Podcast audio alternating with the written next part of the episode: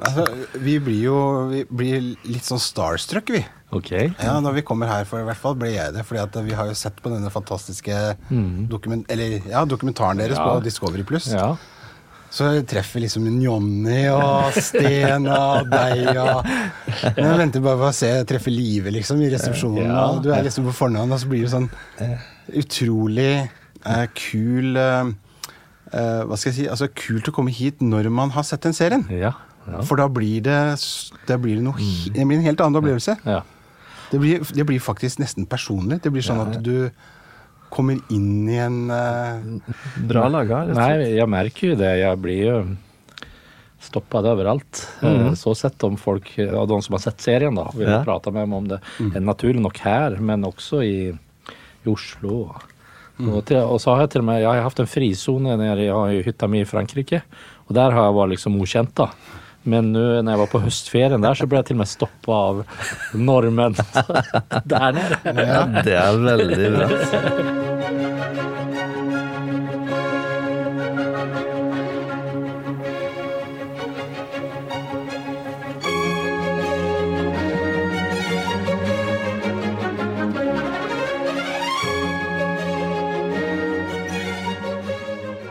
Da ønsker vi velkommen til Hverdagsshow.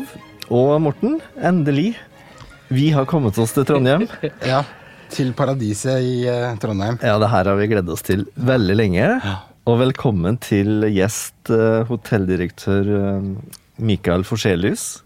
Tusen takk. Tusen takk. Og utrolig hyggelig at du kunne ta imot oss. Ja, selvklart. Så vi kunne liksom nyte to-tre fine dager her. Ja. Så vi kom i går og hadde en strålende lunsj på brasseriet. Ja. Eh, Nøyt en lang spa. Og så avslutta vi kvelden i eh, Jonathan Bar. Oi. Nei, Jonathan Grill. Ja. Og så blei det faktisk en eh, drink i baren etterpå. Så- Så, vi, så jeg føler vi fikk veldig mye ut av gårsdagen. Mm. Det må jeg si. Ja.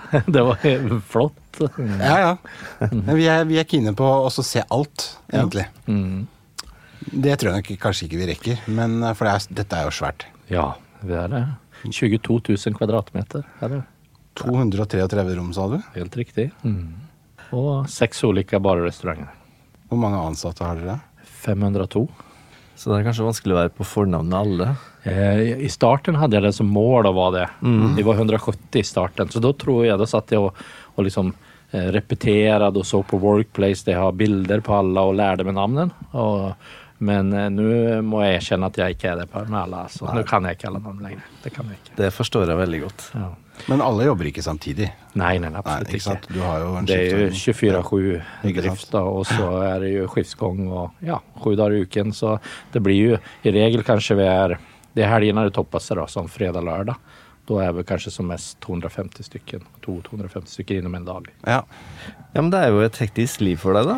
Eh, ja, det er jo det. Eh, og så er heldigvis så er det jo 500 stykker som alle gjør sin lille del, da. Så alt henger jo ikke bare på meg. Bra, Heldigvis. ti bra teamwork. det er teamwork, ja. Mm. Og da tror jeg jeg har sett i sosiale medier at du kanskje slapper av i en elv og fiske, eller? Ja, definitivt. Det er liksom eh, fluefiske og, og jakt eh, og litt sånn friluftsliv som er de store interessene mine. Mm. Men det er jo den beste avkoblinga òg. Definitivt. Det, Da kan du ikke Da må du bare nullstille hodet og være i ett med naturen. Og, mm. og det, er, det er det beste for meg. Og har du tid til det, da? Eh, ja, det, Du er jo tross alt direktør ja, ikke sant? på Ja, nei, jeg tar meg tid til akkurat det. Altså, jeg gjør gjør det. det? Jeg jobber mye, men, men når jeg tar fri, så tar jeg fri. Da. Så Ja. det har jeg blitt god på. Mm. ja. Bor dere her i området, eller? Ja, vi gjør det. Så jeg har bare noen kilometer til jobb, så, eh, så det er liksom Ofte blir det blir et par turer til jobb hver dag, så. Mm. Men Jeg skjønte at du hadde vært eh, sjef oppe på, i, i Røros. Ja. Ti år innen jeg kom hit. Du er glad i å gå i skogen og sanke sopp sikkert også, da? Sopp er viktig og stort og alt. Det Karl Johan og kantarell. Karl Johan og kantarell er viktig, vet du. Ja. Eh, Apropos det, da, så jeg vet ikke om du har funnet det, Morten, men jeg har funnet at han har faktisk gitt ut bok. Jeg har lest om det, men Ja. jeg eh, husker ikke hva tittelen var. Det, jeg, jeg leste tittelen en gang. Og enten så er det matauk eller matauk. Ja, det stemmer det. Matauk. Matauk. Ja, ja. Matauk er en, en av bøkene. Jeg har gitt ut flere bøker, Oi. men det er den, kanskje den som er praktboken min, da. Som var med hun vant faktisk pris i World eh, Cookbook eh, Award i Beijing eh, det året. Eh, som handler om å høste fra naturen. da, Ti råvarer. Der råvarene er stjernen. Det er det som er tingen. Så jeg har gitt ut en som heter 'Fristelsen fra fjellet', eh, og så har jeg gitt ut en barnekokebok også, eh, som heter 'Hjemmelaga barnemat', med en liten personlig historie knytta til. Så jeg har gitt ut flere bøker. Mm. Men det betyr at du har kokkebakgrunn, det. Jeg, jeg er kokk, ja. Det er det jeg er. Du, er, eh, du bare både kan spise god mat og er glad i god mat. ja, definitivt. Nei, det er kokk jeg. fantastisk. Jeg eh, jeg innan jeg ble direktør, så hadde jeg vel en Ja, jeg var 10-12 år som kjøkkensjef først. Ja. Mm. Da må det ha vært veldig stas for dere, da, da dere fikk en, eh, en restaurant som med Spelsalen Mm. med stjerna. Ja.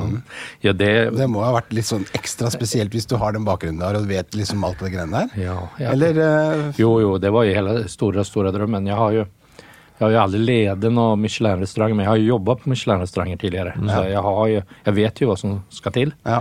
Og som kokk, da. Og, eh, som stasjonerer også på olika platser i utlandet på eh, Michelin-restauranger. Men eh, når vi satt planen, eh, og och Kristoffer i 2017, eh, om att vi skal faktisk skape en Michelin-restaurang i Trondheim. Eh, Det var jo innan det var noen stjerner her i Trondheim överhuvudtaget. Da skulle vi liksom være første. Og så rakk jo Credo og Fagn et år før oss da. Men eh, eh, det, det, det var liksom tydelig mål det. Og så å oppnå det allerede første året var helt eventyrlig. Det var jo det. Ja, kjempespennende. Ja, det var eh, en stor eh, Ja, det, jag får tårer i øynene bare jeg tenker på det hver gang. Det var en fantastisk stor sak. Og nå er det nye mål. Nå, klart, nå, Ja. nå skal vi bli verdens nordligste tostjerners. Det er det nye målet. Da. Ja, vi, vi gir oss ikke, liksom. Det er ikke noe hviling på noe leirbær her. nei, nei, nei, absolutt ikke. Nei, jeg det er et tydelig mål. Man skal overga seg selv hele tiden, liksom. Det kortsiktige målet er verdens nordligste tostjerners, og det langsiktige målet er verdens nordligste trestjerners. Ja, men jeg elsker sånne mål. Altså, sky's the limit. ja, ja, ja. Og så får vi se Ja, hvor langt vi når, men, men tostjerners, det føler vi at vi jobber mot, og er, Mm. vi er jo liksom Det er oppnåelig, føler vi. Og så får vi se hva Jerry sier etter i kveld, da. Ja. Jeg tror ikke det er vi som er the mystery guests. Nei, det, det vet jeg ikke om Nei, de resepsjonene kanskje vi har hatt en skikkelig undercover. eh, Ja. Hva, hva, dette må du fortelle litt mer om, eh, Ja. for dette, dette har har vi jo hørt litt om. Dette Ja. med en mystery guest. Ja, tenker du på den Leadings eh, Mystery Guest? Ja, for det, ja, fordi, eller? ikke sant? Begge to har jo en. Mm. Jeg har en bitte liten historie da om min onkel da, som pleide å reise mye rundt og spise alene eh, på 70- og 80-tallet. Ok. Og han eh, er professor, og han kler seg alltid veldig sånn konservativt. Ja. Og så når han da spiste måltider ute, ja. så satt jo han og noterte i en, egen bok. Og da var, hendte det både titt og ofte, Ja. altså, for han gikk jo på gode mm, steder, Ja. at, de, han fikk faktisk måltider betalt. Har han fortalt. Dette var 70-80-tallet. Jeg vet ikke om det fungerer sånn nå, men, men, men, det, men, men det som er morsomt, da, er jo at det finnes sånne folk, eh, og hva er det Hvordan kan man hvordan kan man snuse opp de, liksom? Er det, Ja. Har de et mønster? En sånn MO, liksom? Ja, det, altså om vi begynner med leading sin da, som är eh, liksom den vi lever med i hverdagen hele tiden. Mm. som mystery guest, det er jo en test per år og der vi får en rating på 800 kvalitetsstandarder upp till 100 procent. Och det, det er litt sånn lurigt for det kan være hva som helst. Det kan være en enkel person eh, som det vi har haft. De to testene vi har haft nå, har vært, første var en engelskmann. Eh, helt atypisk. Han kunne nesten regne ut at det var han. Eh, nummer to var en helt annen type. Det var en, eh, en lite mer, hva skal jeg jag säga, eh, rufsat eh, danske. Som like gjerne kunne ha var på en heisatur, liksom. Ja, okay. Så han kunne vi ikke ane. Så leading er litt sånn lurigt og det, det kan også være par og familier og ulike ting da. Medan Guide Michelin er litt mer förutsägbart då. Å ja. Och eh, det, det har vi funnet ut. Oh, ja. Ofte så er en eh, de som er ansvarlig for testing av Skandinavien ofte engelsk engelskmän da. Ja, okay. det, det, eller det har alltid vært det. Ja, for oss i hvert fall. Ja. Og, og, og, det er en enkel person, då, man eller kvinne, og booker gjerne med en sånn gmail-adress, og når vi googler navnet, så finnes det ikke, og litt sånne ting, da. Så det, det er litt sånn forutsigbart, da. Og, og så eh, skal jeg vel ikke väl for mye, för mycket, nu går jeg dypt inn i hemmelighetene her. men, men vi har jo funnet ut også at det ofte bruker de samme navn når de er på turné i Norge. da. Så om vi liksom sender forespørsel, har dere noen David eh, Whitham eller noe sånt til de andre stjernerestaurantene, så er det gjerne to-tre som også har samme navn i samme tidsperiode, og da vet vi ok, det her er Michelin. liksom. Så, så eh, ofte så kan du regne ut om det har vært dem, eller eller de kommer. men det spelar egentligen ingen roll för att på det här nivån kan du ikke triksa til at du er ekstra god. Nej. Alltså, jeg vil påstå at spelsalen är, det är nästan en, en akilles at teamet ikke vet at det er Michelin. For da blir de Mm. Eh, og, og, om de vet det så, så kan det bare bli sämre for at eh, nivån er så jevn og høy uansett. Mm. Eh, og, det, og menyn är så genomprövad och genomarbetad och hela, hela showet funkar så godt som det går. Så att vet de så er de nesten en utfordring. Eh, da kan det bare gå neråt. Eh, så at du kan liksom eh, så, så det er egentlig ingen fordel. Så du det, bruker ordet show. Eh, Ja, Forestilling, altså, på ja, norsk. ja. Jeg la merke til at menyen også var eh, inspirert av, av den ordbruken der. Er det, er det, gjort, det er gjort bevisst, sikkert? sant? ja, det er ulike akter. Ja. Ikke sant? Det er hele, og det er, det er litt hva vi tror at det skal appellere til Michelin også. Vi bygger opp det som en opplevelse både visuelt og smak og, og doft og helhet. Og, og det gjør jo at alt skjer ute blant gjestene. Vi har liksom ingenting som kommer fra et kjøkken der bak, utan alle kokker er synlige. Og så har vi ulike stasjoner. Oh, ja. Så vi har chef's table der, og varmkjøkkenet der den varme maten kommer fra. Eller om du sitter ved chef's table så går de gjennom rett for rett og lager innenfor det. Så har vi dessertkjøkken som er også midt i restauranten. Så har vi kaviarbar, og så har vi sommelierenes stasjon der de, der de eh, dekanterer vin og alt sånt. Så, så alt som skjer, alt det faglige, ser du. Det er en del av opplevelsen. Jeg kjenner at jeg begynner å glede, jeg gleder meg veldig nå. Ja, faktisk. Også Og så på en normal dag som i dag, når vi har opptil til eh, 40 gjester, eh, så er det 19 ansatte da, som er i showet. Da. Og alle har sin ting. da. Og alle kokker eh, Det er ikke så at det er servitørene som bærer inn maten, og sånt, utan det er kokkene som har hver sin rett som de kommer og bærer inn og forteller om. Ja. Servitørene de har den eh, vin, eller det sommelierer som jobber hos oss, og de har den vinshowet. Mm. Og, og så er det kokkene som kjører maten og lager maten og eh, presenterer maten og serverer maten. Altså, Så har vi bygd opp det. Så du skal få liksom eh, faget rett inn. Da. Mm. Det blir litt sånn som å være på Felleskjøpet. Og så på Felleskjøpet vet du, så er det alltid mer, flere ansatte enn det er kunder. Har du lagt merke til det? ja, ja. Jeg er glad i Felleskjøpet. Jeg, vet, jeg er bondegutt. Jeg, vet, jeg er sant? på gård. altså, jeg. Ja.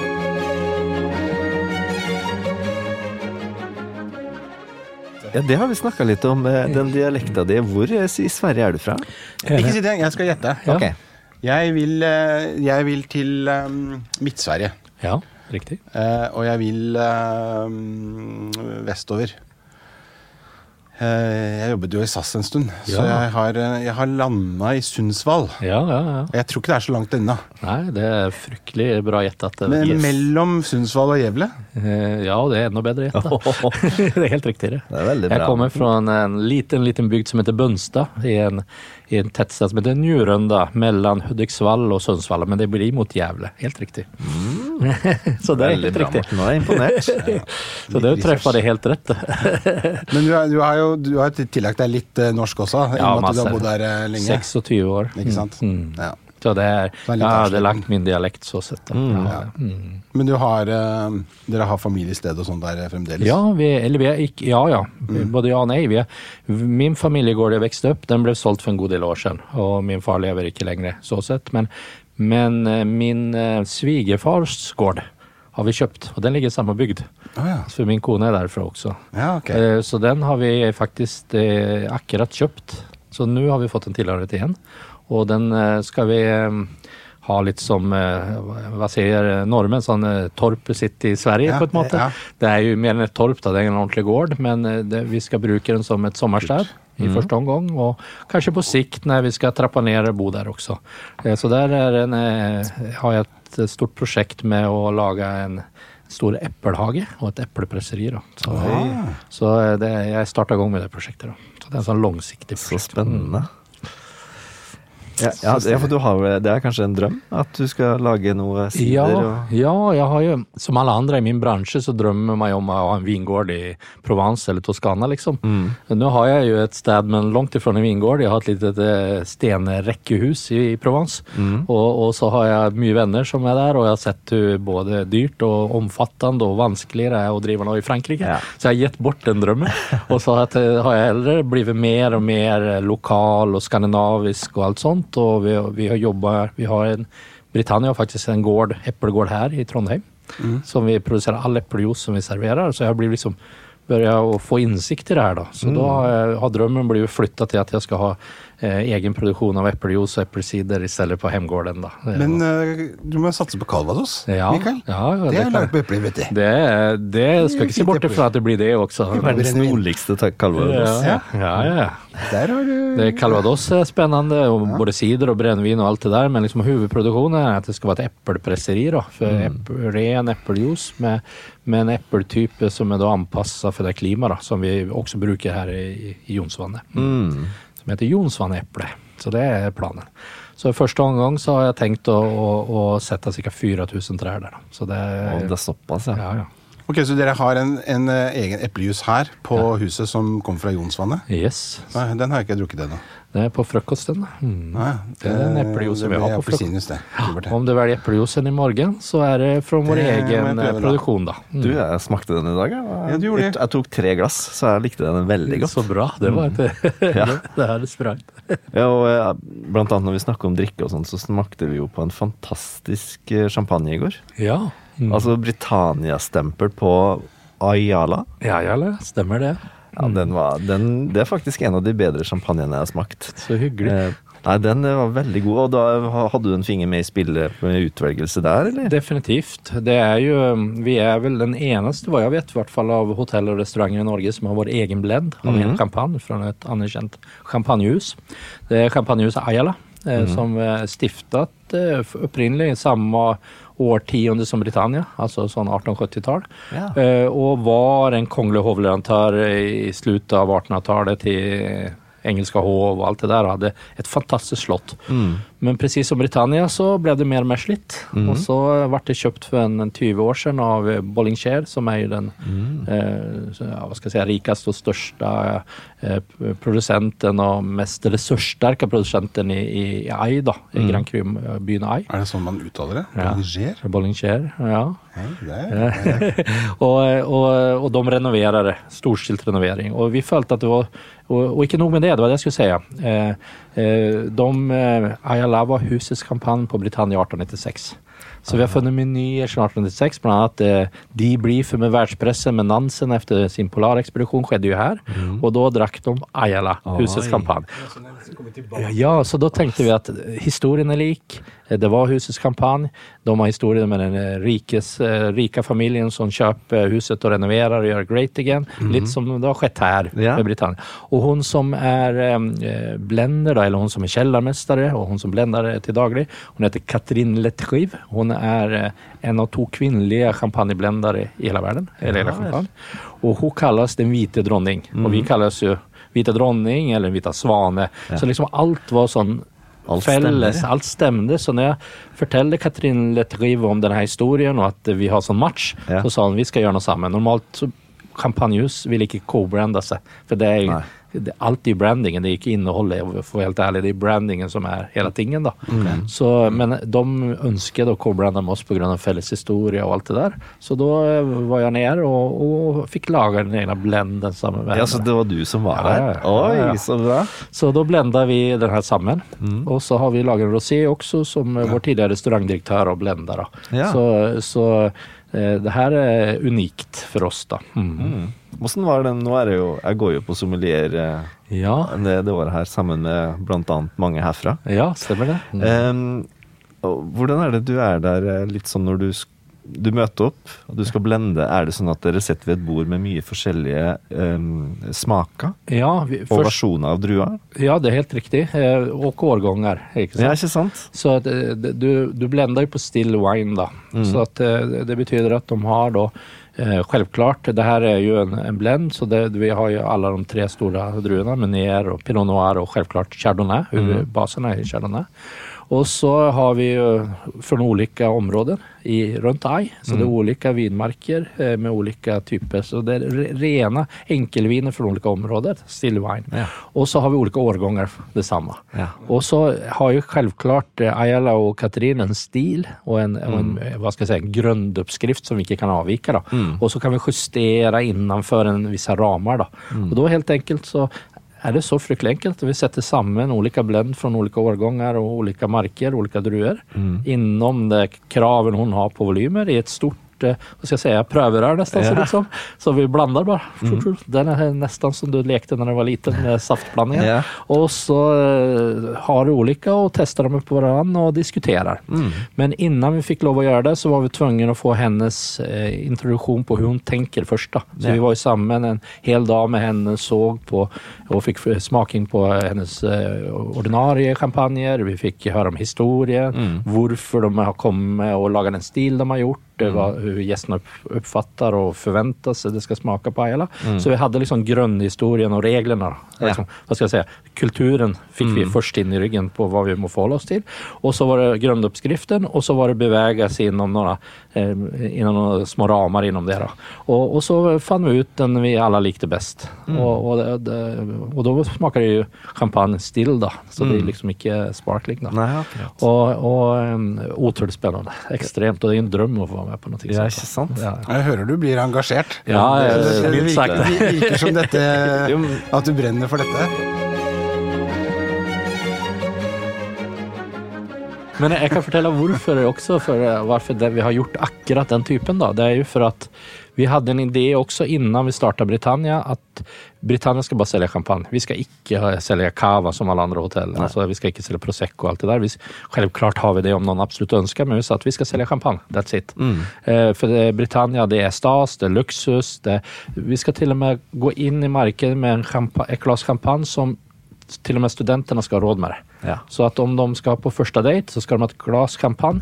Och de skal ha et glass glas till den de har dejt med åt seg selv for under 250 kroner. Og så kan de gå på pizzerian og spise resten. Men de har drukket mm. et glass champagne på første dejten og det skal de huske. Det var ideen min. Ja. 2017, to år innan vi åpna. Ja, og, og, og så börjar processen, Hvordan skal vi gjøre det? Og så når jeg fick eh, kontakt med importøren til, til eh, Ayala i første omgang, så sa jeg att, vet du vad?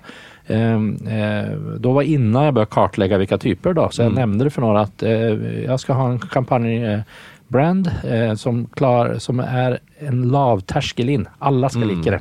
Det ska inte skrämma bort dem med, eh, med massa toast och all, alla dessa ting, utan den ska vara god, den ska vara fresh, det ska vara luxus, det ska vara, alla ska älska den. För första dejten till eh, den, eh, den virkelig en videregående, for at han tenker att det her er fresh. ikke sant? Ja. Og da begynte vi der, og så sa jeg at jeg skal selge 10 000 flasker i året. og alle sa 10 000, det er ingen som selger 10 000 flaskor champagne. Jo, vi skal gjøre det. Og så begynte jeg å forske på historien, fant ut om Ayala og fant den, eh, den importøren, og så var vi i gang. Mm. Og så forhandla vi fram en pris på 10 000 flaskor. Ja. Och eh, vi har jo ja, jeg tror det var 12 000 flasker første året. Til, altså. ja, og det, det gikk unna. Så vi selger mest Ayala i verden. Solgte du 12 000 flasker første året? året, ja. Og da åpna vi 1. april og ut, och ut 2019. Mm. Men den kan fås i Vinmonopolet òg? Ja, ja. Mm. Den fins i Vinmonopolet også. Under samme tittel? Så Ja, eller eh, ja, ja. Brita Britannia Selection heter den på Vinmonopolet. Eh, under spesialsortiment. Ja. Vi har ikke markedsført det så hardt, for at det er jo begrenset tilgang. Men, eh, men den er fullt mulig å bestille, og man ringer inn og bestiller. Mm. Da skal jeg, den skal jeg få tak i snart. Du er, men eh, åssen er det med favorittvin? da? Har du noe sånn eh, Ja, jeg er jo eh, frankofil. ja. jeg er enormt glad i, i egentlig hele egentligen Frankrike fra med Råndalen, mm. Nordrån. Elsker Nordrån om det, Og, og så selvklart Bourgogne, Hvit Bourgogne. Ja. Det er hvit det är Ikke sant? Love it. Eh, Ekepreg, Vik på gang. Det er ah, Det hotellet her kan, har kanskje noen Montrachet liggende, eller? Vi har enormt mange. Og, og vi har jo også selvklart de største, absolutt største största på rad, Borgani. ikke sant? Vi, Mm. vi har jo hele serien med Romani Conti så vi er vel en av de få som har eh, om de også. Grand Cruna också. Så, eh, vi har en god tilgang, og det er mye Borgonje her Men så er jeg jo, som jeg har sagt, jeg er utrolig glad i Nordrån eh, på, på rødt. Jeg er jo jeger, så er är med Hermitage, Ja. syra Syrah-viner. Passer perfekt i hjorten og rypen. Mm. Men, men jeg også tycker det er litt morsomt med hvit hermitage. Altså Marsan, Rosanne Mm. Det er ikke så vanlig. Nei, det er ikke det, men, men om du går tilbake sånn historisk sett, jeg er historieinteressert, så de mest eksklusive vinene som for 100 år siden, Mm. det var jo liksom hvit hermitage, det var ja, enormt. Og, og det er masse kropp, og, og ja, jeg liker det òg. Mm. Og lagringsdugelig, framfor alt. Mm. Men eh, jeg vet ikke om du har det i hodet, men har du et godt vintips, rett og slett, da, til eh, lytterne våre? Kanskje Ohoi. Nordrån, eh, litt sånne ting, eller? Om man skal ha liksom av de store produsentene, så er det klart at eh, Chapotier produserer alltid gode viner. Det är liksom, Mm. holder til midt i Hermitage og huvudkontoret sitt i Tern. Eh, så eh, har mye god vin. da. Safe vin om man vil Mm. ha en innpass i Nordrån. Og så finnes det jo masse mer spennende småprodusenter, Men Og så sa du Hermitage? Ja, det, de holder til i, eh, i byen Tan de Hermitage, midt ved Hermitagefjellet. Da. Det som er kul er jo Tan er jo den lilla, lilla, litt halvkjedelige byen, egentlig, men de har ju några fantastiska producenter, bland annat Mm. men de har ju också Valrhona choklad. Ja. Valrhona, den världsberömda världens bästa choklad, har ju fabriker mitt i den här lilla Tän, det Hermitage. Och det är en liten by då, som ligger eh, utanför, mellan Valence och Lyon egentligen, lite norr om Valence. Men när det står där på Valrhona-fabriken där de lagar världens bästa choklad, mitt Ja. där. Och då kallas också fruktbälte. De har enorma mängder med odlingar med aprikoser och allt sånt. För det är där rån eh, får den här lilla kröken. Ja. Skillnaden med middelhavsglina och kontinentalklina, akkurat där. Och då står du utanför fabriken och snasker snaskar på världens bästa choklad. och så tittar du upp till høyre, så har det berömda Hermitagefjället med bara några få producenter som är riktiga Hermitage. Resten Ja, är Kroser som hela området. Och så ser du åt andra hållet så har det Sankt Josefjället där alla, alla viner från Sankt Josef fantastiska är Mm. Og så ser du rett opp, så ser du Côte og och så ser du bakåt så har du Cornas. Är så liksom en sån- snaskar du på världens Og ja. Så samtidig så har du bare felten med aprikosodlinger der av verdens beste marmeladelager. Oh. I en liten by med tusen innbyggere. Du skal ikke få deg leilighet der, da? Jeg har jo en leilighet eh, ca. to timer derifrån, Ja, så jeg må alltid ha en tur opp. Da. Jeg er nede ved, ved Rivieraen, men det, det er to timer opp dit. Mm. Det ser helt fantastisk ut. Det er magisk. Det er et område som er nesten i klasse med Trøndelag eller, eller Vesterålen. Jeg vil litt tilbake til eh, de ansatte eh, Ja. som du driver, for du er tross alt sjefen for de ansatte. Ja. Eh, veldig spennende å være sjef for så mange. Eh, Jeg liker ikke sjef, jeg, da, men jeg prøver, Nei. jeg prøver å lede Leder, ikke sant? Det er bedre leder, ikke sant? godt mot For det er, det er veldig forskjell på å være sjef og leder. Ja, jeg- Leder er eh, et bedre, det er mer positivt ladet, sant? Ja, jeg tror om du spør mine ansatte, så tror jeg de ikke ser meg som sjef, sjef da. Jeg tror heller de ser meg som forhåpentligvis en inspirerende leder. Da. Det er det jeg prøver å være. Mm. Hvordan, eh, hvordan går dere frem Kan du si noe om utvelgelsesprosessen? Liksom? Hvor personlig involvert er du i det? Eller har du vært i det? Jo, eh, jo, å ja, definitivt. Når det gjelder å plukke ut ansatte. Ja, ja. på. I starten var jeg, var jeg med på alt. De første 170 var jeg gjennomgående på alle. Eh, Det var, vi kjørte jo prosessen selv på ansettelser. Ja. Så eh, vi hadde en slags screening, for, å, for vi fikk jo 4,5 4600 søknader. Så vi hadde en screening som de gikk gjennom først, som vi hadde utvikla. Så at det liksom, du kom ikke hele veien til meg om du ikke hadde visse kriterier. da. Skjønner. Så det var basis. Men når vi kom der, så var vi et lite, lite team på to-tre stykker som satt og valgte ut og kjørte intervjuer. og Mye intervjuer personlig, det som var mulig, men vi gjorde også intervjuer med hele verden. For vi, de første ansatte, vi hadde folk fra eh, Australia, vi hadde Kashmir, Canada, Dubai, altså hele verden. Så vi satt på Skype og intervjuet mye folk. da. Ja. Og vi for besøkte, det vi sa at vi kan vi møtes halvveis. Så vi møtte folk i NIS. där vi møttes halvveis når de jobba i Dubai og vi flög härifrån så sa vi møtes i Nice. Prøve å finne flygninger der vi kunde Ja, for å spare tid. Da. Så det var en lang prosess. Men da var jo det ansatte som du virkelig ville ha, da. Ja, for vi var avhengig av å ha folk som hadde en femstjerners erfarenhet med i startsteamet. da. Mm. Eh, og så vi jobbet mye i oppstarten, og så hadde vi en seks ukers utdanningsprogram innan vi öppnade. Der vi eh, kallade Britannia Akademiet, der vi brukte de to første ukene egentlig på eh, på å beskrive drømmer og sette mål og, og eh, jobbe med servicestandarden vår osv. Og, så og så en måned on site der vi gikk på den faglige treningen og oppbyggingen av hotellet. Og det fortsetter vi med. Vi har jo det som vi kaller Britannia Akademiet. som den første måndagen hver måned så har vi det kallet First Monday, der vi samler opp en slags hurtigvariant på en dag med alla nyansatta och så vidare. Och så kör vi flera gånger i året för hela alla ansatta. Men, men, så jag var där, för att komma tillbaka till det, men det är klart i nuläget så är det ju mine mina som ansetter, och så är nyckelpersonerna jag med på och alla avdelningsledare ansätter jag. Då. Det, så det är så vi bygger upp det. Då. Och så er utvelgelsen er ju, eh, det er mange ganger vi har gått personlighet for kvalifikasjoner. Kvalifikasjoner. kvalifikationer. Mm. För att vi er avhengig av å ha de som har den här eh, evnen og viljen og och til våre våra servicestandarder. elsker mennesker og møter mennesker ha blikkene og smil. eh, Ha alle disse verdier som er så viktige for oss da, der vi skal skille oss ut. Då. Ha det lille ekstra, liksom. Lille The- The X-factor.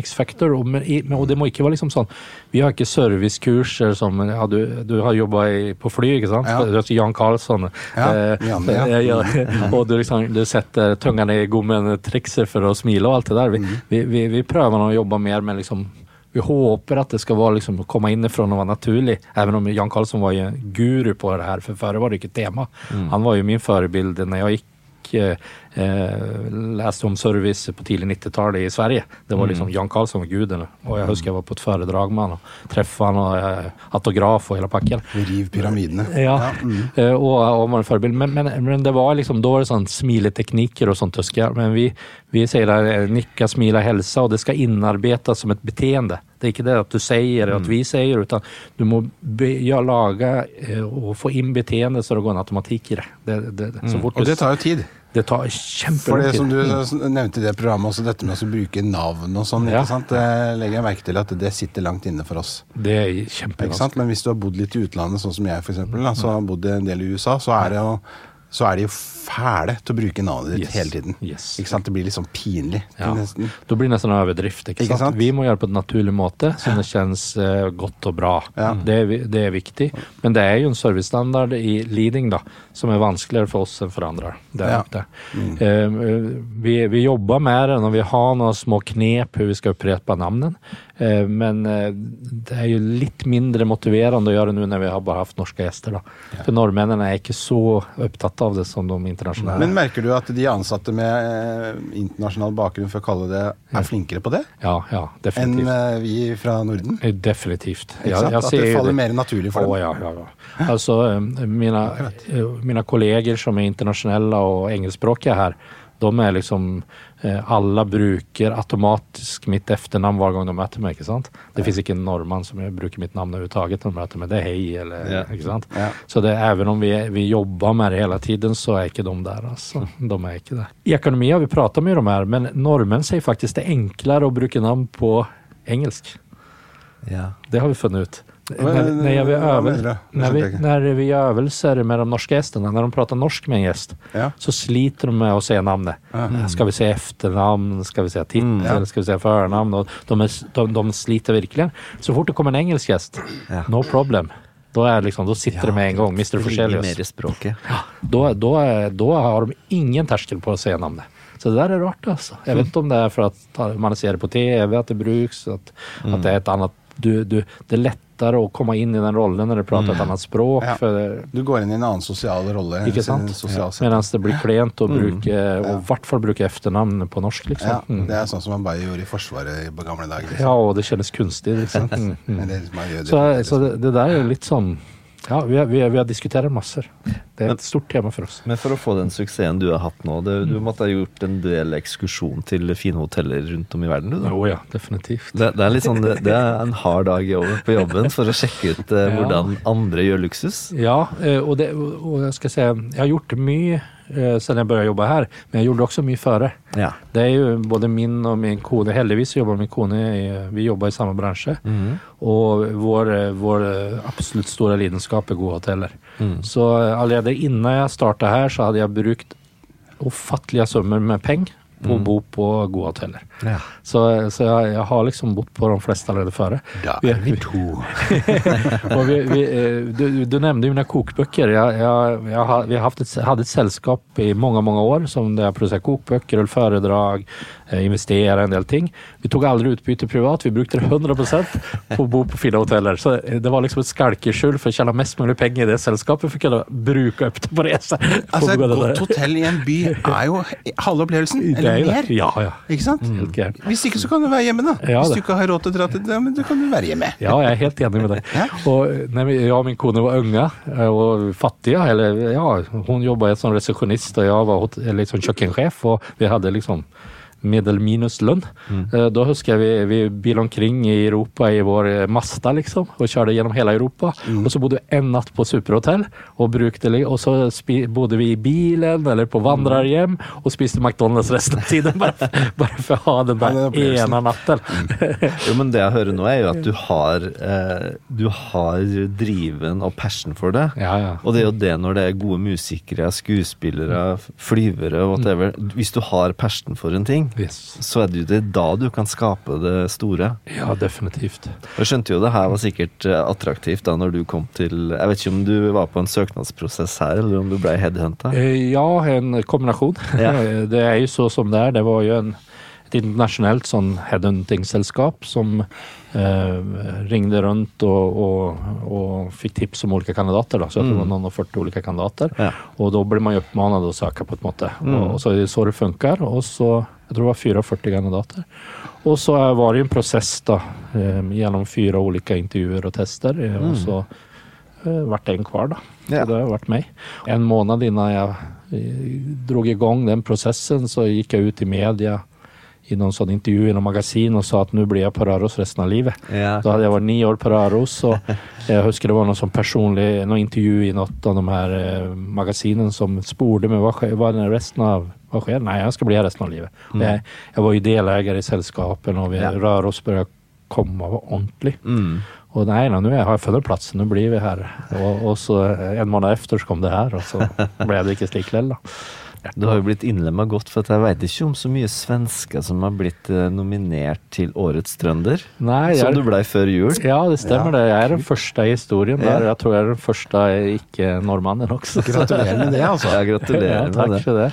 Det var en stor ære. Fem personer og liksom eh, så der sammen med Åge Aleksandersen og alle disse ikoner. ikke sant? Ja, det Så det var, det, var, det, var, det var stort for meg, det må jeg si. Mm. Eh, det trodde jeg ikke. Mm. Når er det valget der? eh? Det var, det var Jeg vant ikke. Å nei, det har ikke valget vært. Ja, det var, Ja, vel, det var en. Omrøstning blant befolkningen. da. Ja. Men jeg fikk mye røster, fikk jeg høre. Jeg var helt der oppe. Men eh, det var faktisk kommunelegen du, i disse koronatider som vant. Mm. Vel. Nei, men det er bare å bli nominert, det er jo stort. Ja, det var på sånt. noen Eh, år siden så var jeg faktisk nominert som årets bygda-profil av magasinen, eller avisen Nationen også, Så det er litt på samme nivå føler jeg. At, er, har du blitt nominert som årets bygda-profil blant fem personer og årets trønder blant fem personer, Da må man vel være norsk. Ja. og bondelagskokk har jag varit två gånger också. Ja, såpass, ja. Eh, I 2007-2008 var jeg Norges bondelagskokk av bondelaget, så jeg, jeg, jeg börjar føle meg ordentlig norsk. altså. Det er, det er litt uvirkelig at vi fordi han, kompisen av Kurt Bjørnar han har jo ikke noen skrupler, så da han liksom ringte til deg, Ja. Så fikk jo jeg sjokk. For det er jo liksom snakk om å liksom gå bypasse alle ledd. Du ringer direkte til skje, altså, unnskyld, eh, direktøren. Ja. Ikke sant? Eller ja, jeg har jo forsvarsbakgrunn, så jeg sier ofte sjef, men det, det er ikke Det er meningen. greit. da, men altså, det er greit. Jeg har fått fram min poeng om det. Så, så, så det var liksom Da vi snakket med deg på telefon, så satt jo jeg jeg var jo i sjokk. Ikke sant? Og jeg, det, det trodde, jeg har jo ikke trodd på dette her før vi svaret kom ankom Men, i går. men igjen liksom. så er det jo at vi, vi bor i et land som Norge, og da er sånn mulig. Ja. Nei, jeg tror at Og och det kanske, jag hoppas att ni føler også, at jeg er jo en jovial, enkel person. Jeg er, som jeg alltid sier, jeg kommer fra en liten gård i Bunstad i Vesterålen utenfor Sundsvall. Ja. Og, og, det skal jeg alltid ha med meg også uansett. Mm. Eh, og det, Even om jag har vært vertskap for både kongelige og presidenter og rockestjerner og alt sånt så er jeg fortsatt akkurat samme. Mm. Og, og, det har vært viktig for meg. Det, den første jobben jobb hadde, hade det, det var å være lærling lärling på Grand i Stockholm. Och den andre det var var kock på eh, Svenska i Karlskrona och laga för Carl Gustav mat. Så att det började där liksom, så det har det bara fortsatt. Så jeg har alltid vært som jeg er. Så det har vært viktig for meg. Og her er det ikke noen sånn hierarkistruktur. Jeg har ikke noen sekretær, jeg har ikke noe kontor. Jeg er, jeg er, jag är i front, jeg er flat og jeg går rundt walking, Hva er det man säger? Eh, manage, walking management. Jeg beveger meg rundt mig i, i hotellet hele tiden og er tilgjengelig. Ja.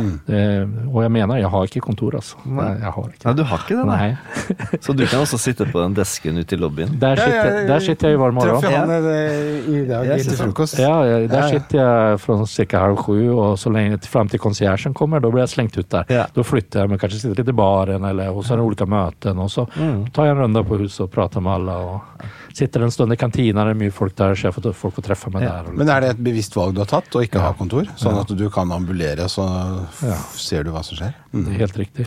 Og, og så, eh, Kult. Jeg hadde en halv kontor der uppe. Men så følte jeg at det var en del strategiske ting, at jeg hadde behov for en annen å sitte bredvid den. Så da fikk den ta mitt kontor. Og så lurer jeg på hvordan skal du sitte der, Men jeg er minst viktig på et kontor.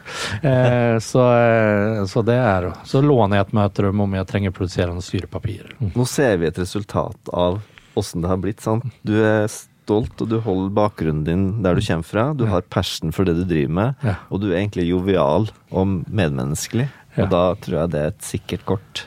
Ja, det har märkt da at när jeg, också, jag, jag har jo som sagt eh, både laga mat og vært vertskap for mange, mange kongelige og presidenter og fryktelig rika mennesker og alt det, det her tingen. Men det jeg merker, jo mer jeg er meg selv, jo nærmere kontakt får jeg. Ja. Det er ingen som liker en person som er superstift og skal gjøre alt ordentlig og alt riktig og sier korrekta ting. Eh, jeg, du kommer mye nærmere på mennesker och bare være åpen og ærlig. Ja. bare, Bare være seg selv. Yes. Det har jeg lært meg gjennom årene. Altså. Ja. Men hvordan er det med musikkinteresse? Er du, jeg ser det står noen eh, flygler rundt omkring her. Jeg er veldig interessert i musikk ja. selv. Eh, Knut Bjørnar er jo musiker. Ja. Men eh, fortell litt. eh, Det står jo et Beckstein i eh, Palmehaven, det er eh, før 18 1900-tallet. Det er riktig. Vi har, vi har tre flygler her. 1897, 1898 er det? 1897. Ett serienummer fra den som står i Soho som David Bowie spiller inn i Life of Marson. Men det, det, det som står i Palmehaven, det må være restaurert, for det ser Ja, ut ja, ut. det er helt eh, det- Ja. Det var et flygel som faktisk ikke har stått her tidigare. Ja, det har en privat eie her i Trondheim. Mm. Eller i Trøndelag, ikke i Trondheim men her i Trøndelag. Stod på en låve eh, i Trøndelån i mange år. Mm. Og så ble det restaurerat.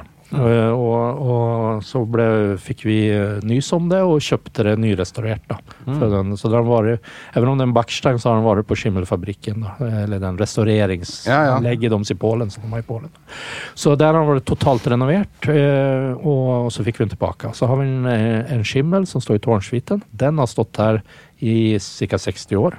Eh, litt slitt.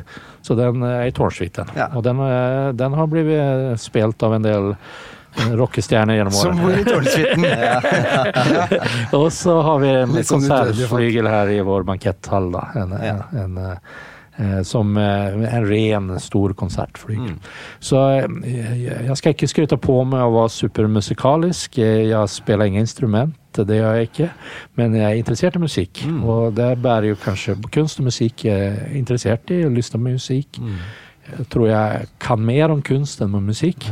Det kan jeg. Og jeg elsker all type musikk. musik. Ja. Jeg, jeg er sånn humør og musikk. Jeg elsker å gå på en flott klassisk konsert.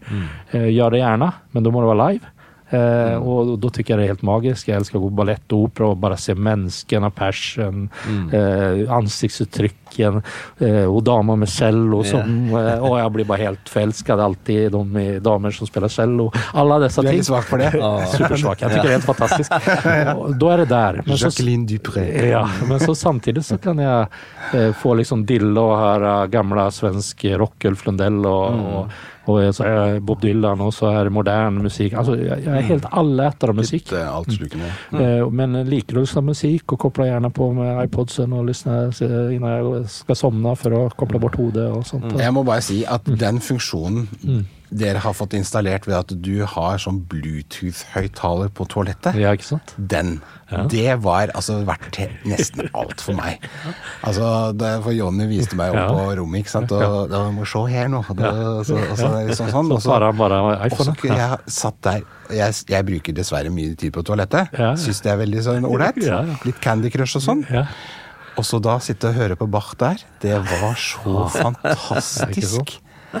Så til våre gjester der ute, det kan dere bare Eller gjester, sier jeg. Altså tilhørere. Når dere blir gjest på i Britannia, så må dere huske å koble dere på, så dere kan høre på favorittmusikken på do. Det er en fin opplevelse. Og det var en tanke. At det, er der man ønsker kanskje å ha. Ja, det var skikkelig kult, altså. Det er gjennomtenkt, altså. Ja. Jeg må jo si jeg var mest eh, imponert over den, eh, det, speilet og TV-en. Ja. Ja. Det, det var långt lätt att bleka. Ja, det kan man se För för vi så den der tv-lösningen eh, på Creo i Mm. Paris. og vært sånn skal vi ha. Og så var det å finne en TV-leverandør som har en tv som har såpass mye lys i så det går igjennom. Och Ja. det, det var jo en egen, eh, det brukte vi lang tid på. Mm. Og så når vi hadde endelig funnet det og vi monterer den og alt var klart og vi hadde testrum her ett år innan åpning. Mm. Fick vi den på plass, og så slog jeg på den og så tenkte jeg herregud lyden då? Ja. har en tv i en boks, hva skal du få Ja. lyden någonstans då? Ja. Og, og, så var vi et par stykker, og så sier han som var med meg, ja men det er enkelt, vi tar bare en Bluetooth-høyttaler da. Mm. Under skrivebordet, for at vi kan jo ikke sette noen høyttaler utenfor den vakre stuckaturerna. Det går jo ikke, Det må jo se pent ut. Så satte vi en Bluetooth-høyttaler under skrivebordet så det ikke syndes så du fikk et fint Mm. Så tenkte jeg ja, lita vi på det her. Så jeg satt meg der i mørket midt i bygget, ett rom ferdig. Mm. Og det var liksom bare byggplatsrester Ja. en kveld og skulle se på en film for å kjenne på det. Og så det jeg fann ut at deler av filmen så var det en fordrøyelse på lydet. Kan Å en på grunn av Bluetooth-overføringen? Bluetooth ja. Så den gikk litt i sånn I starten tenkte jeg ikke på det, mye lenger, så filmen er ju mer irritert jag var at det var en kort fordrøyelse Ja, mot, för, eh, mot för när så personen. eh, Ja, ja, ja, ja. Och jag tänkte, Nei, det går herregud, det går ikke. Nei, det går ikke. Og så ringer jeg interiörarkitekten, vi må bare kable høyttaler på siden. Og hun sier over min döda kropp, glem det, den er så Ja. pen som den er. og da var det bare hva gjør vi? Og da fant jeg ut att under TV-en da er det en stor list. Om jeg freser ur i den listen og lager sånn riller så kan jeg montere en kablad i den listen der nere. Som du ser under så er det bare noen urfresta hål liksom. Der har jeg satt högtalarna. Problemen er når du skal gjøre det på 233 rom, da, og så bare det vara tidsfrist.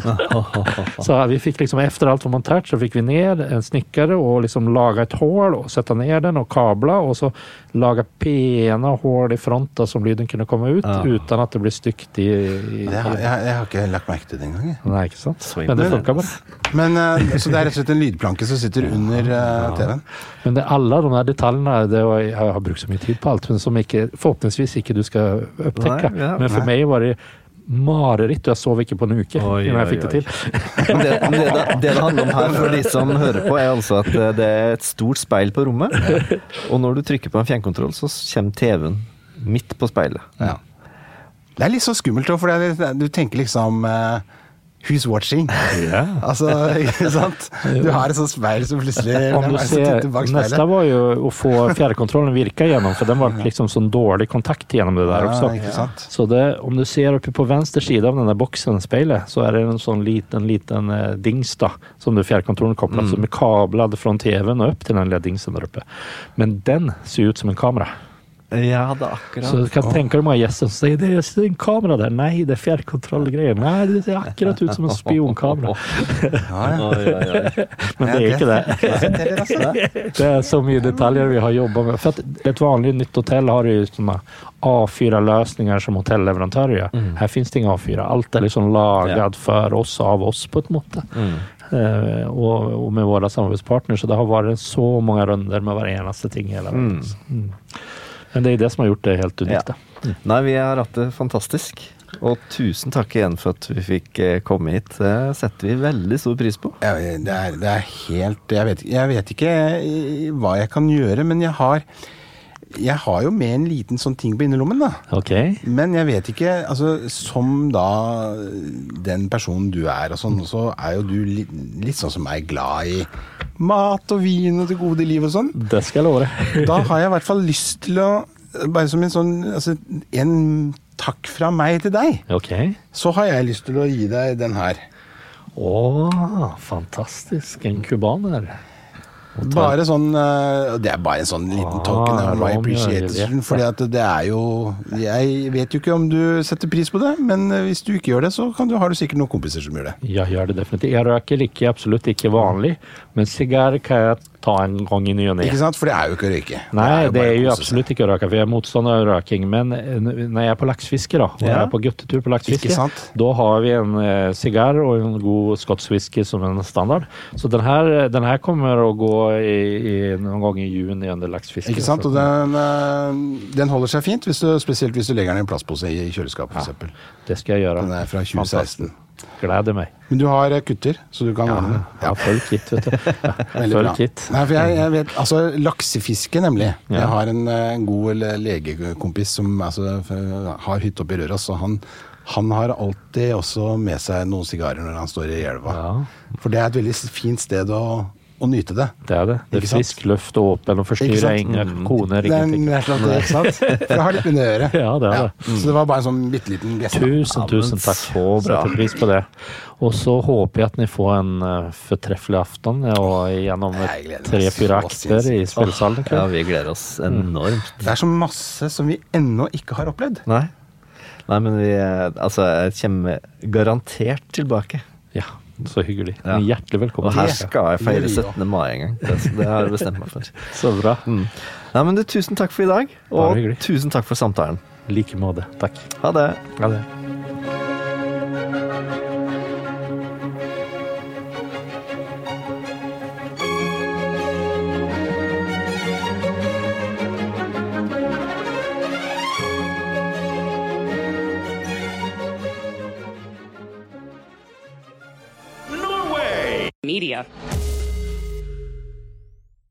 Jag tycker eh, alla de här 30-40 podcasterna är för, är för kort nu. Ja, för att jag går med hunden och går jag en sån var kväll då, sån 45 minuter till en timme.